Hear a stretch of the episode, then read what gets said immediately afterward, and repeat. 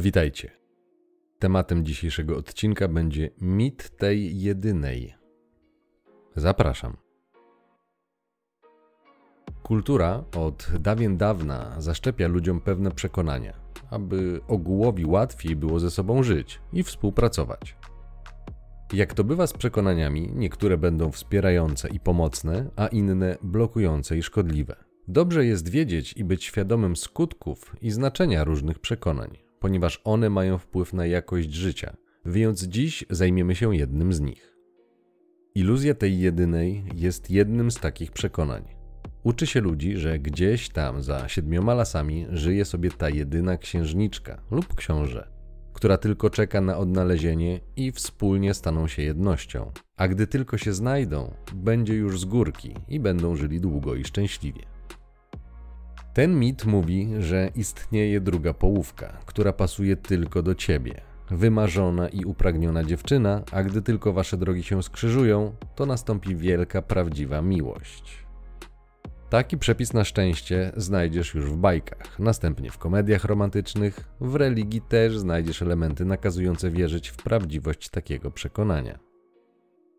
Natomiast jeżeli chodzi o relacje, jest to obecnie jeden z najbardziej, jeżeli nie najbardziej szkodliwy z punktu widzenia normalnego faceta koncept i mit, który funkcjonuje w społeczeństwie. Kiedyś był elementem stabilizującym populację i regulował rynek matrymonialny. Miał swoje plusy, ale dziś, w dobie rewolucji kulturalnej, która ma miejsce na naszych oczach, jest ze wszechmiar szkodliwy, szczególnie dla chłopaków. Oczywiście nie jest to przypadek, co zaraz wyjaśnię.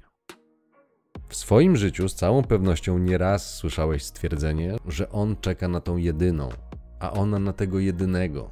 Lub kiedy następuje rozpad jakiejś pary, pada to mityczne, to jednak nie był on, w domyśle ten jedyny. Wielu gości ma wtłoczone właśnie takie głębokie przekonanie, że tylko jedna, jedyna osoba w relacyjnym kontekście może dać szczęście. To bzdura, bajka dla grzecznych chłopców i element inżynierii społecznej. Mówiłem wcześniej, że ludzki umysł jest tak skonstruowany, że to, co trafia do niego jako pierwsze, ma największą moc, staje się bazą i punktem odniesienia w ocenie świata, którego następnie jednostka doświadcza. Idealizacja romantycznej miłości to w zamyśle narzędzie służące do kontroli społecznej. Biologia ewolucyjna rozpoznała strategie reprodukcyjne ludzi i wiemy, że są one inne w zależności od płci. Omówiłem je w odcinku numer 45, więc nie będę się powtarzał. Celem takiego zabiegu w tym kontekście jest wprowadzenie i utrzymanie monogami. Oddziaływanie tego mitu jest następujące. Jeżeli wmówi się ludziom i dostatecznie długo będzie powtarzało jakieś treści, to w końcu do nich przywykną i zaczną traktować je jako prawdę. Stanie się tak, gdy tylko uwierzą i przyjmą powtarzany przekaz jako swoje przekonanie. Im wcześniej zetkną się z nim, tym większy wpływ będzie miał na ich dorosłe życie. Dziecko, ponieważ w większości wypadków nie ma jeszcze dużych doświadczeń życiowych, traktuje to, co mu się powie, jako prawdę. Wtedy tworzy się jego mapa rzeczywistości, według której później nawiguje. Dlatego tak ważne jest, aby uważać, co wkłada się dziecku do głowy w procesie wychowania dzieci by to łyknęły, bo dzieci łykną wszystko. To jest fact of life, że aha, nie absolutnym to w porządku. Idealizowanie mitu romantycznej miłości, mitu tej jedynej, ma za zadanie zniwelowanie działania i kontrolę naturalnych strategii reprodukcyjnych. W przypadku dziewczyn w ten sposób ogranicza się hipergamię, a w przypadku chłopców oducza się ich używania strategii reprodukcyjnej polegającej na zapładnieniu jak największej dostępnej ilości samic co jak wiemy na naturalnych łobuzów działa raczej z mizernym skutkiem, ale większość przyjmie takie przekonanie. Niepisany nakaz jednej życiowej partnerki lub partnera pełni funkcję regulacyjną rynku matrymonialnego. Kobiety są strażniczkami sypialni, ale faceci są strażnikami związku. Gdyby puścić to wszystko w samopas, to topowe 10 czy 20% samców zapładniałoby 80% samic. I tutaj pojawia się problem. Co z pozostałymi 80% facetów? Nazwijmy ich umownie beta. W imię czego mieliby się poświęcać, pracować, oddawać życie w obronie plemienia, osady itd. Tak Przydział jednej partnerki rozwiązywał problem niepokornych, circa about 80% samców Zwiększało to szanse na wychowanie potomstwa, ponieważ angażowało zasób pracy większej części społeczności. Mówię oczywiście o czasach bardzo zamierzchłych, o czasach, kiedy to ludzie dopiero zaczęli prowadzić osiadły tryb życia, związany z uprawami, a nie łowiectwem i podróżami za zwierzyną. Uważa się, że człowiek opanował uprawy zbóż około 12 tysięcy lat temu, ale pojawia się również informacja, że dużo wcześniej, bo około 23 tysięcy lat temu. O takiej historii mówimy. Obecnie chłopaki zaczynają zauważać, że hipergamia występuje i nie jest to jedynie akademickie gadanie. Wystarczy odpalić aplikacje randkowe i przekonać się samemu lub zajrzeć w statystyki.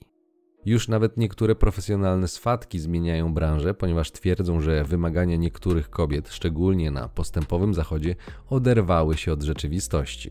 Więc mamy potwierdzenia, że randkowanie dla przeciętnych mężczyzn, czyli miłych gości, stało się trudne na skutek rozregulowania społecznych mechanizmów kontroli, w tym religii i moralności. Mit tej jedynej zaczął udzielać się również chłopcom. Przystojni, pewni siebie, szarmantcy chłopcy, a później faceci, szybko pozbędą się tych błędnych przekonań, ponieważ ich rzeczywistość randkowa wygląda zupełnie inaczej i szybko przekonają się, że tych jedynych może być i najczęściej jest wiele. Mit tej jedynej, jako efekt uboczny trzymania w ryzach hipergami, programuje również chłopców, że szczęście bez tej jedynej jest niemożliwe, co w następstwie dodatkowo podczas niepowodzeń miłosnych potęguje rozczarowanie, frustrację i niepotrzebne cierpienie. Każdy, kto przeżył rozczarowanie miłosne lub odrzucenie, doskonale zna to uczucie, ponieważ poza wpojonymi przekonaniami nakładają się na to jeszcze biochemiczne, hormonalne reakcje mózgu i ciała, które co prawda są przyjemne, ale z prawdziwą miłością nie mają nic wspólnego.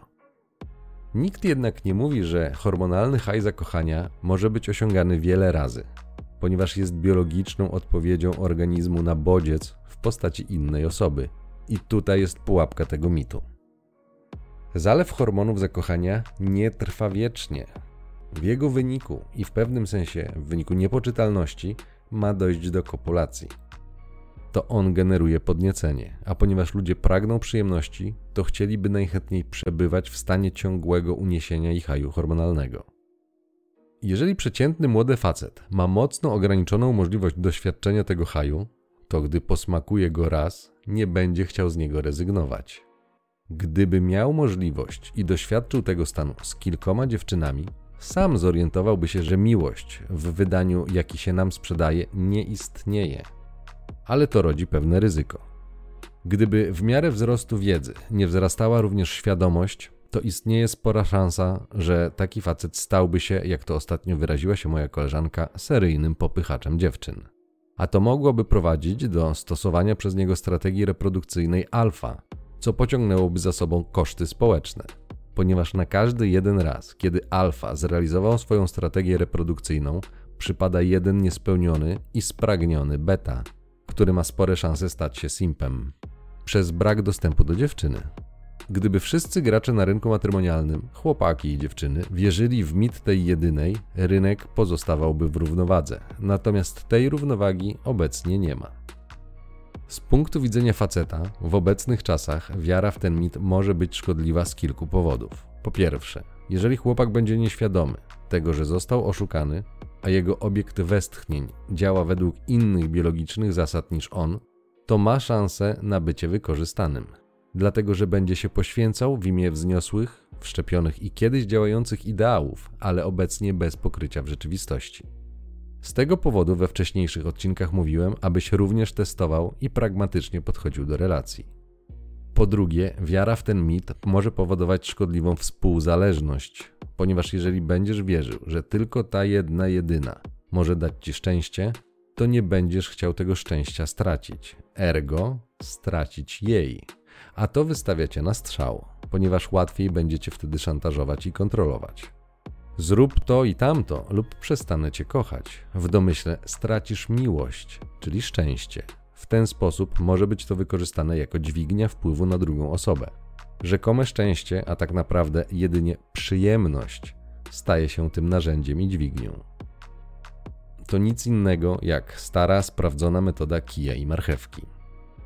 Musisz wiedzieć, ponieważ w relacjach w znacznej mierze decyzje dziewczyn są pochodną aktualnego stanu emocjonalnego, a jak już wiesz, emocje są zmienne.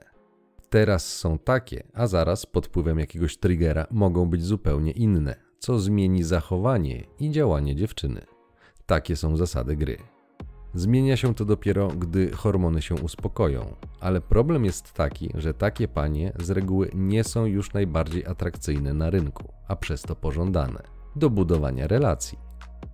Jeżeli będziesz kierował się emocjami i tym mitem, to po pierwsze przegrasz, bo przeciętny facet nie ma tak rozwiniętej, naturalnej umiejętności samooszukiwania się przez racjonalizację, a po drugie nie będziesz mógł i umiał prowadzić kobiety w relacji. Wbrew pozorom, większość pań bardzo chętnie da się poprowadzić i w ten sposób przerzuci odpowiedzialność za całą relację na faceta, ponieważ tak jest prościej i nie wymaga to tyle energii i pracy nad relacją. Można mieć zdrową relację, ale ona się nie trafia. Nad nią się pracuje i ją się stwarza. No i najważniejsza sprawa: do takiej relacji potrzeba dwóch chętnych do jej budowania osób.